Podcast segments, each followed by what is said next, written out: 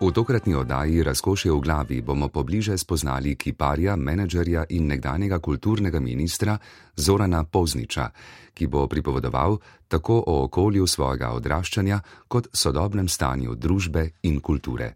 Z njim se je pogovarjala Magda Tušar.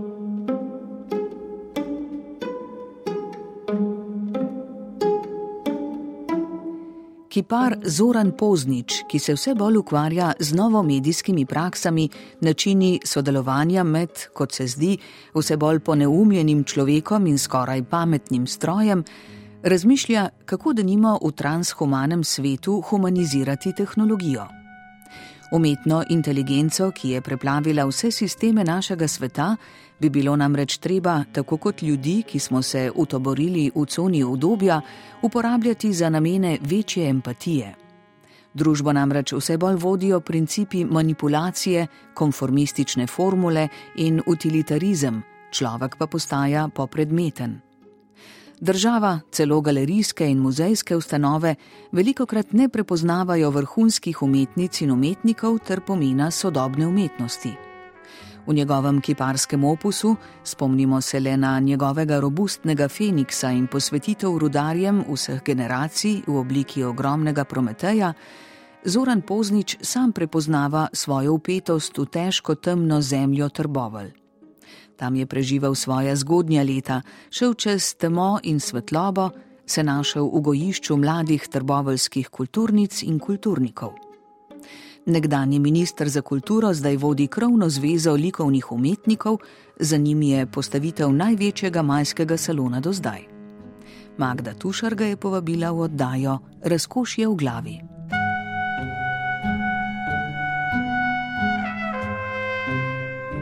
Prijazen pozdrav, Zoran Poznič. Zdaj ste v vlogi predsednika Zveze društva slovenskih likovnih umetnikov, kulturni menedžer in tudi mentor.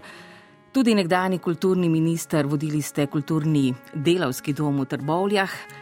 Kar pa se tiče vaše umetniške poti, pa se zdi, da vaše stvaritve, velike in robustne konstrukcije skulpture, denimo, išče rojstvo za misli v mitoloških, arhetipskih podobah in imenih, predvsem, drugo osebino pa jim dajo novo komponirani materijali in mediji, predvsem kovina in železo ter sodobni pristopi, torej sodobnimi tehnologijami in mediji. S čim so vas nagovorili rudarski kraji, tamkajšnji ljudje, krajina, rudarska dediščina, da so z vami rasli tudi umetniški potencijali in se razvijali? Vse to, kar ste sedaj v uvodu našteli, je posledica te formatiranosti, če lahko tako rečem, vsega tega, kar se je meni, mojim generacijam dogajalo v otroštvu, v zgodnji mladosti predvsem v odraščanju nasploh, eh, tam v tistih rudarskih krajih.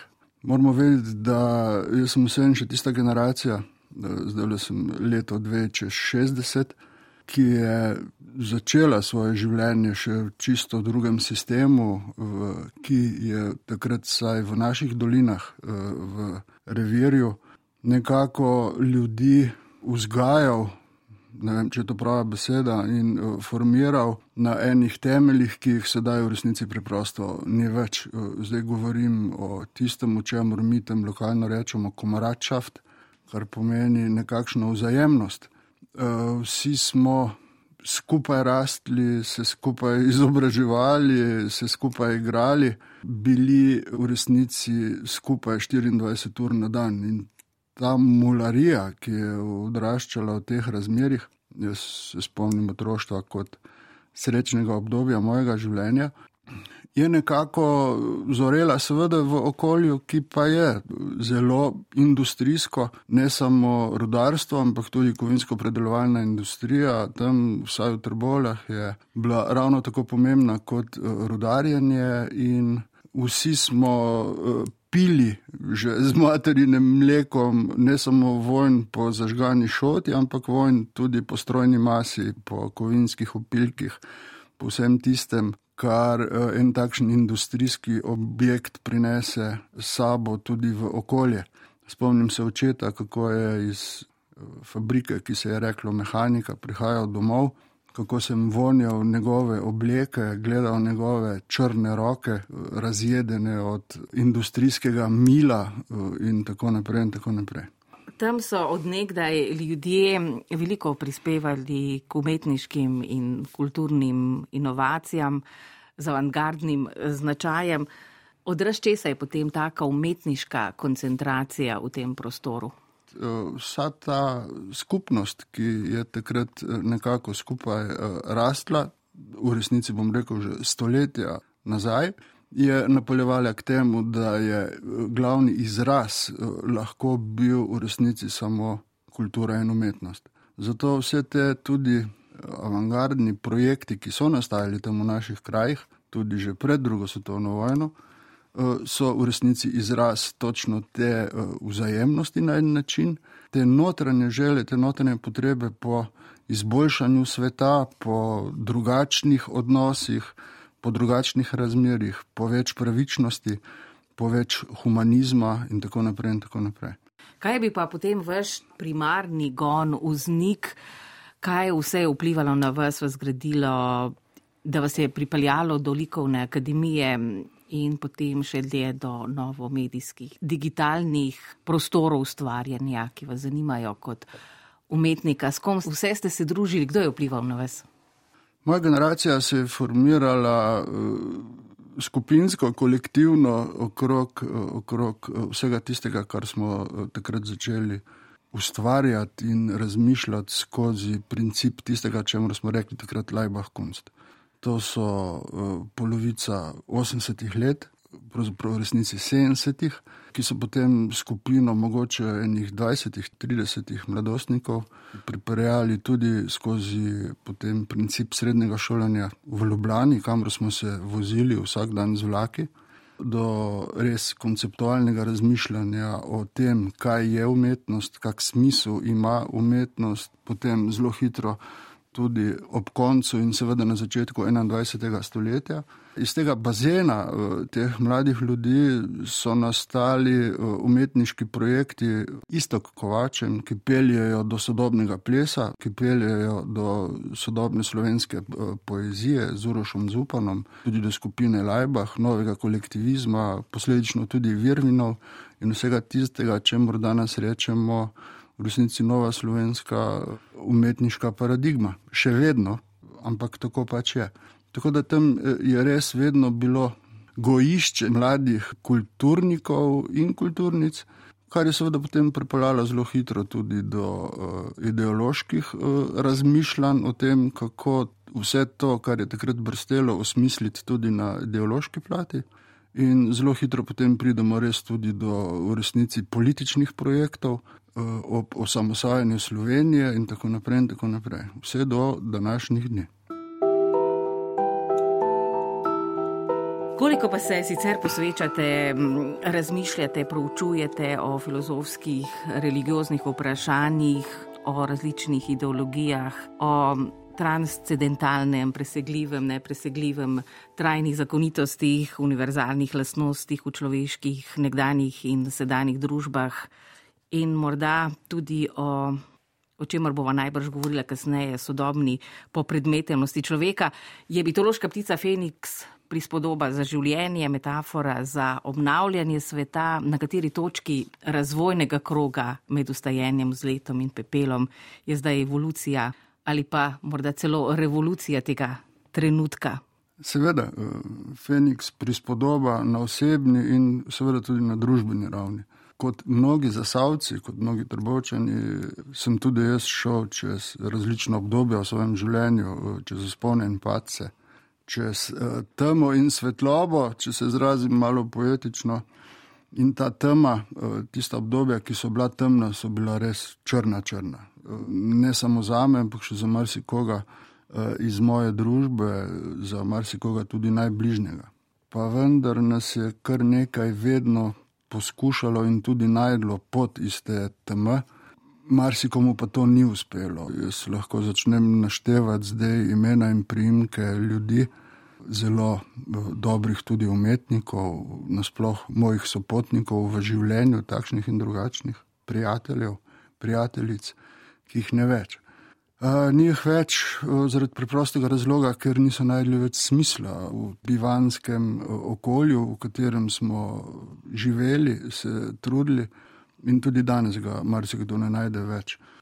Tako da seveda se ta eksistencialna vprašanja postavljajo ob tej poti, ob teh pacih, o teh spotikanjih in potem v tem lezenju iz teh gnojnih jam zopet na sonce, na zrak, na površino. Nekako vsakemu umetniku se tudi to, kar preživlja, kar živi, seveda nujno mora odražati v njegovem delu in vsa ta trdota in mehkoba ob enem naj bi bila zajeta tudi v mojem kiparskem opusu, saj namen je takšen. Seveda ljudje to prepoznajo na različnih ravneh, pa vendar sem se vedno trudil, da nekako skozi vso to kovino, vse ta trd material, ki je naporen za obdelovanje, ki s tabo ne vzpostavlja dialoga, kot ga recimo glina ali les, ampak je konstantno v zelo hudem, tudi fizičnem konfliktu z kiparjem, skušal zaobjeti točno to dvojnost, to šizofrenost, to mehkobo in trdoto, to željo po svobodi, po soncu, po svetlobi, po vdihu in obenem na drugi strani to upetost na to črno, trdo, težko zemljo iz katere se vsi skušamo nekako vsaj en centimeter nad tla povzdigniti, pa vendar nam to ne uspeva. Hodela sem vas prej vprašati, recimo v tem globalnem, svetovnem smislu, kje smo zdaj, recimo v tem krogu, ne vem, stanju pogorišča, pepela ali vendarle šele padamo Jaz mislim, da še vedno padamo. Uh, strah me je, da niti uh, jaz, jaz še ne vidim uh, dna tam spodaj v tisti črni luknji, kamor padamo kot civilizacija, če lahko tako rečem. In uh, v bistvu me je strah, da tej, v tej poti uh, popolnoma ne zgubimo uh, svoje duše. Kar pa se v resnici obeta z vsemi temi eh, manipulativnimi aparati, ki nas eh, obkrožajo, s tem, da zgubljamo svojo osebno identiteto, družbeno identiteto, da marsikdo med nami več ne loči eh, resnice od laži, ne loči več pozitivnega od negativnega ne prepozna več sočloveka, eh, ne zna več eh, v resnici komunicirati na eni primerni ravni. Tako da me je za, ne vem, če je to primerno zdaj se na ta način vzpostaviti, eh, ampak v resnici me je strah naslednjih desetletij, ker vse tisto, o čemer smo še mi sanjarili tam pred 30-40 leti, se mi zdi, da zdaj nekako uh, rapidno, zelo hitro zgineva z naših obzorij, uh, se spremenja v eno črno, valečo se gmoto, ki v resnici grozi, da nas vse uh, požre.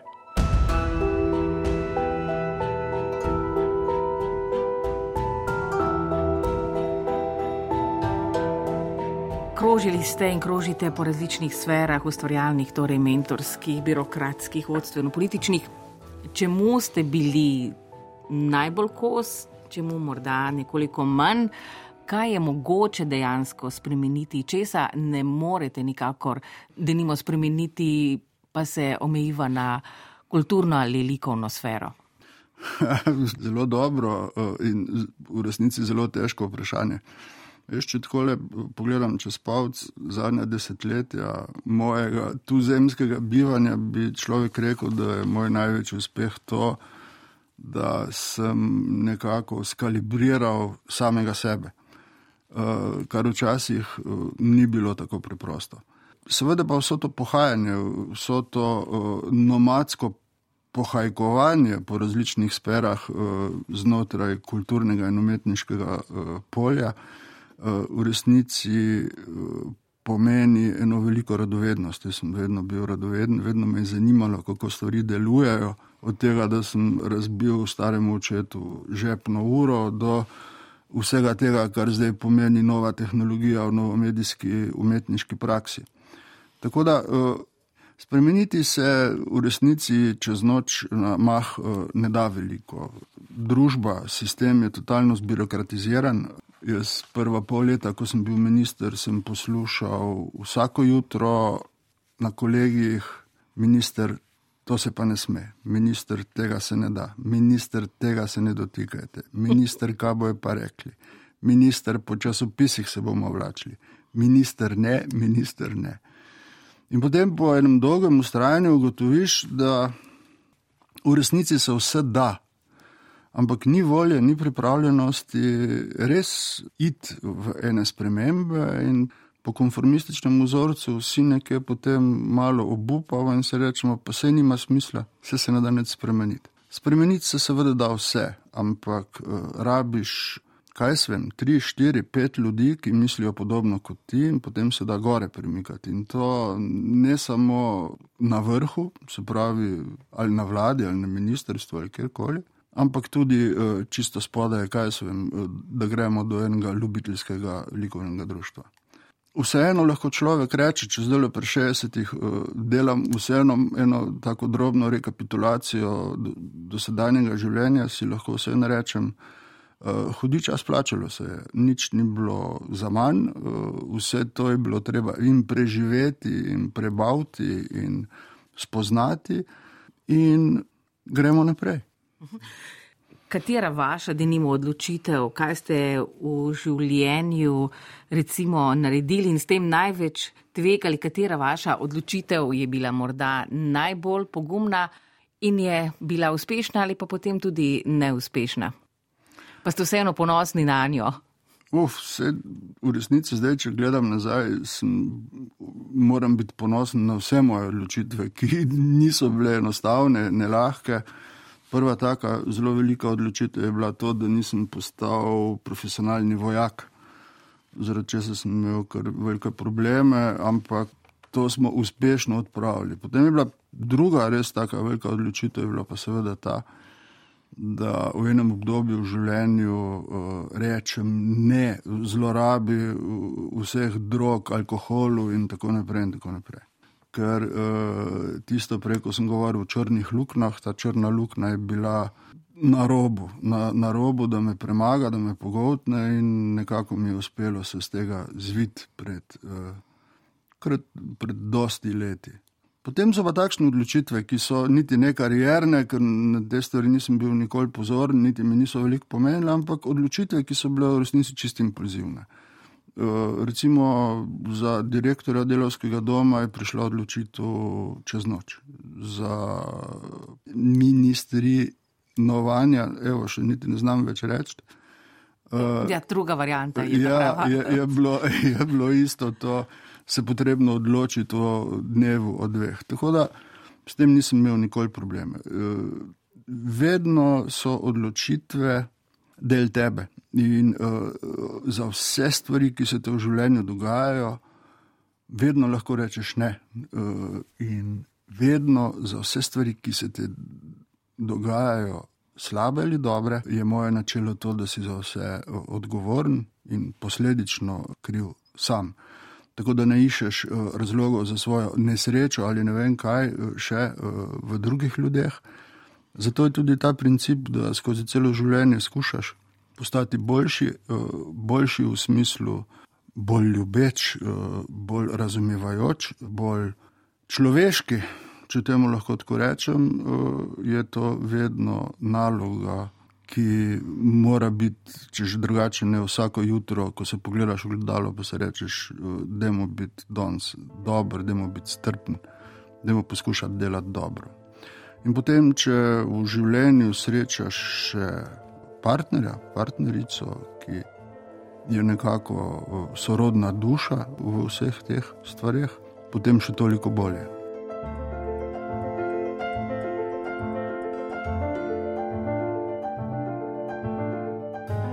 Kot minister ste se, denimo, lotili vsaj položaja nevladnikov, samozaposlenih v kulturi, morda zdaj s podarkom na likovnem področju.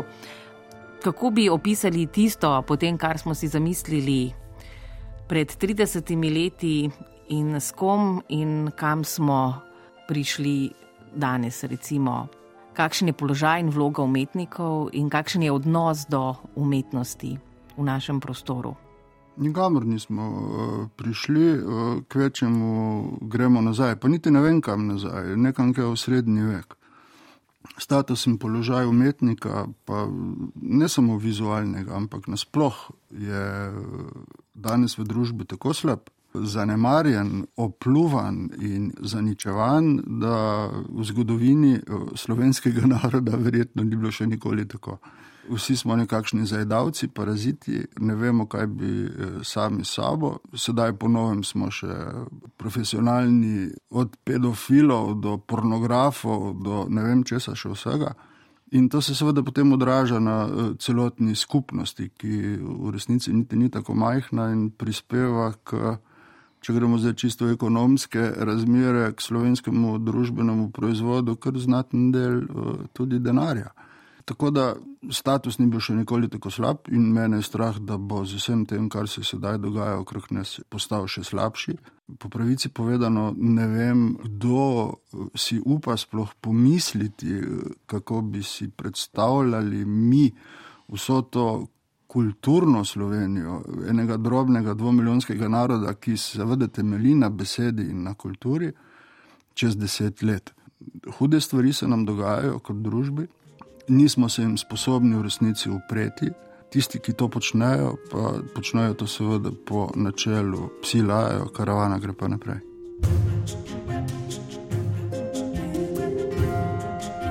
Slovenski narod se je vedno delil na nas in one, od leta 1848 naprej. Pa vendar tako hudo, kot je ta razcepljenost, to nerazumevanje, to pljuvanje drug po drugem, kot je to danes, eh, seveda tega v zgodovini naroda ni bilo še nikoli, niti ne med drugo svetovno vojno. In uh, mislim, da so obeti zelo slabi, da je prvenstveno na mladih, če lahko tako rečem, pa ne mislim to zdaj kot floskulo, to, da vsaj skušajo eh, vzpostaviti to razmerje empatično, socialne skupnosti, razumevanja, dialoga, predvsem, uh, zopet nazaj. Mi, uh, ta stari, tega nismo več sposobni. In kot vidim, nažalost, eh, tudi mladine. Nekaj je govoriti, se toči po prsih, eh, nekaj drugega je podelovati v tej smeri. In vsta egoizem, ki ga je tudi eh, sistem pripeljal zdaj na površje, samo da je moja rit polna, kaj me briga za vse druge, je v bistvu tudi eden izmed glavnih vzrokov tega, kar se nam dogaja. In seveda na, na ta način smo kot družba obsojeni, da se utopimo, da se izgubimo v veliko večjem svetu podobnih, eh, enako mislečih, enako oblečenih, enako rigajočih in enako govorečih osebkov, ki pa seveda ne bojo več Janez, Micka, Franci in Petra, ampak bojo v resnici samo še številke, potrošniške eh, forme, prazne, ki so v resnici same sebi namen družbe pa niti ne obvladajo, niti ne razumejo, uh, niti v resnici niso njen del.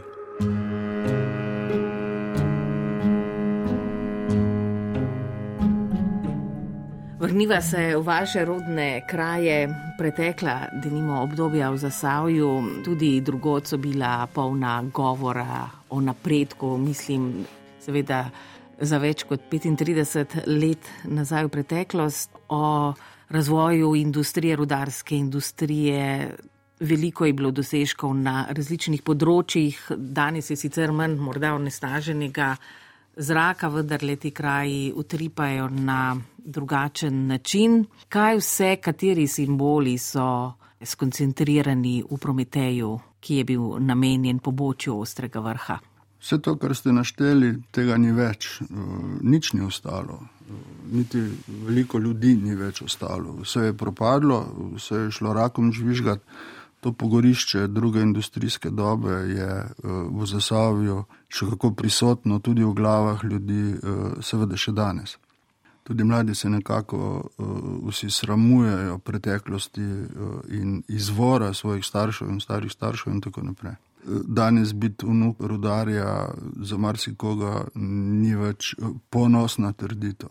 In zato se je meni zazdelo pred parimi leti, da je nujno potrebno, da vzpostavimo nekakšen pomnik in spomenik vsem tem generacijam, ki so nam vsaj v eni meri omogočili, da smo to, kar smo danes.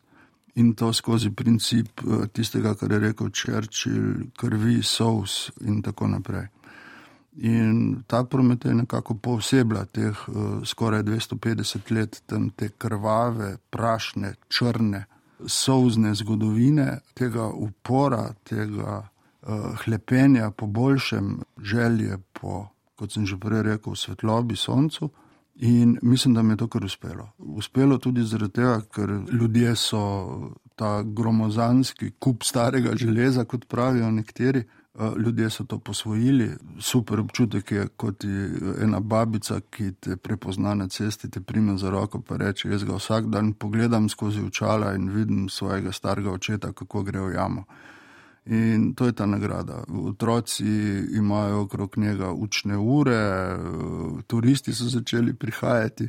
Tako da je res tisto, če mora reči italijani, punto di incontro, postalo eno stičišče, ena točka, kjer se ljudje srečujejo. Namen je v resnici dosežen. Kaj pa vse predstavlja kulturni park v Trbovljah? Gre za tudi neko interpretacijsko točko, ki ohranja spomin na rudarjenje, seveda na vso kulturno dediščino. Trbovlje so eno posebno mesto, ujeto med dva bregova v nekakšno sotesko, dolgo so skoraj 8 km in včasih se je reklo, kamor sonce ne posije. Ljudje so bili vedno nekako navajeni, da sodelujejo, da skupaj snujejo, tudi zaradi tega, ker so bili ljudje, ki so delali pod zemljo, v bistvu odvisni drug od drugega in to v resnici celo z svojim življenjem ta princip se sedaj zopet obuja. To je tisto, kar sem na začetku rekel, komaračaft. To je uh, zelo pomembno za naše kraje. Ta občutek skupnosti, ta občutek, da sosed ni samo številka, ampak je sosed zato, da se pogovori s tabo, da tvoji babici prinese zjutraj iz trgovine, da karkoli ne bom zdaj našteval. Ta park pred pošto, ki stoji pod Prometejem, je v resnici namenjen točno temu da skupnost uh, ne pozabi, da je skupnost. Uh, spomenik uh, Maša Jazbec, tisti črni monolit, zdaj že, mislim, tretje leto, 24 ur na dan, predstavlja podobe naših meščanov, meščank, od dojenčkov do najstarejših detkov in babic. Obrazi se spremenjajo drug od drugega vsakega pol leta v delovskem domu posnamejo 300-400 eh, dodatnih eh, novih obrazov. Tako da tudi skozi ta princip tega parka nekako nastaja, nastaja en zapis, en dokument o tem, kdo smo bili, kdo smo in tudi v resnici, kaj si želimo biti. Se pravi, da se ljudje vračajo nazaj v trbovlje ali vendar lahko govorimo, da je prišlo do bolj recimo številčnega odseljevanja. To je tudi ena eh, čudna stvar pri trbovčanih. Eh, mi vedno delujemo po načelu, eh, lesi se vrača. Kjerkoli smo na koncu sveta, po enem tednu, ko si doma, si rečeš, pa imam teh trbov poln k. Ampak potem, ko te pa en teden ni, pa vedno nekako hočeš nazaj. In ko pogledaš tiste razbitine naše cementarne dol pri Savskem mostu, si rečeš, ah, zdaj sem pa doma. Seveda, vsi drugi se zgrozijo, ker mislijo, da prihajajo v eno uh, postindustrijsko puščavo.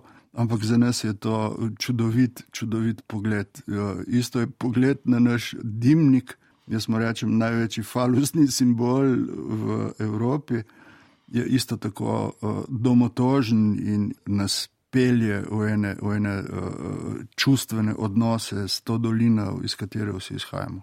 Zoran Poznič v prinkih veliko krat eh, vidimo lahko najrazličnejše konotacije, tudi hecne, da nimo vaš je Poznič, ste imeli kdaj v življenju kako zadrego zaradi tega ali pa vas je morda celo doletela kakšna ovira glede na to, da mu nasproti stoji primek zgodnič. V mojem življenju niti ni bil ovira. Bil je pa ovira recimo v življenju mojega očeta, ker staroče je bil. Uh, med drugo svetovno vojno oficir v nemški vojski in je bil potem tudi po koncu vojne ustreljen kot narodni izdajalec. In seveda potem tudi moj oče nosil to, to prekletstvo, če mu lahko tako rečem. Seveda pa drug sin našega starega očeta, Erharda, stric Martin, je postal pa general jugoslovanske vojske, bil je pilot in tako naprej. In tako naprej. Tako da je meni bilo vse to nekako prihranjeno. Kot vem, je stari oče je prišel iz Trsta. Po mamni strani smo primorci, vidmari, kravosi in tako naprej. Po starem očetu smo dobniki, tam nekje iz Svete Gore pri Mariboru.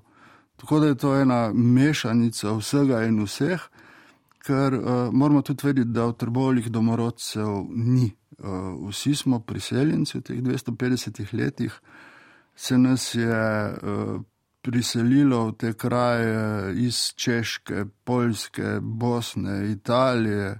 Pri nas imamo ostanke Napoleonovih vojakov, ko so, ko so se umikali iz Rusije, po primkih sodeč, Nemcev, Francozov, nikarni. In ravno ta potem talilni lonec, ta melting pot, je ustvaril potem tudi našo identiteto. Tako da mi se še zdaj šalimo, da nihče ne ve, čigav v resnici je. Ampak najbolj ste pa, ne glede na to, da seveda ste veliko v Ljubljani, tudi Mariboru, najbolj hkrati tudi doma, seveda tam. O, zdaj, sem še, zdaj sem še v dobovi, poleg tega vsega. Da, ampak seveda v srcu, v srcu pa vedno, vedno v trbolah.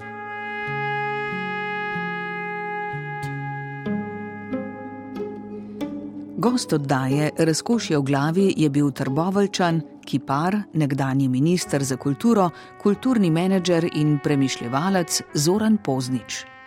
Z njim se je pogovarjala Magda Tušar, glasbo je izbral Rudi Pančur, tonsko je oddajo oblikoval Vojko Kokot, besedilo pa sem prebrala Eva Longika Marušič.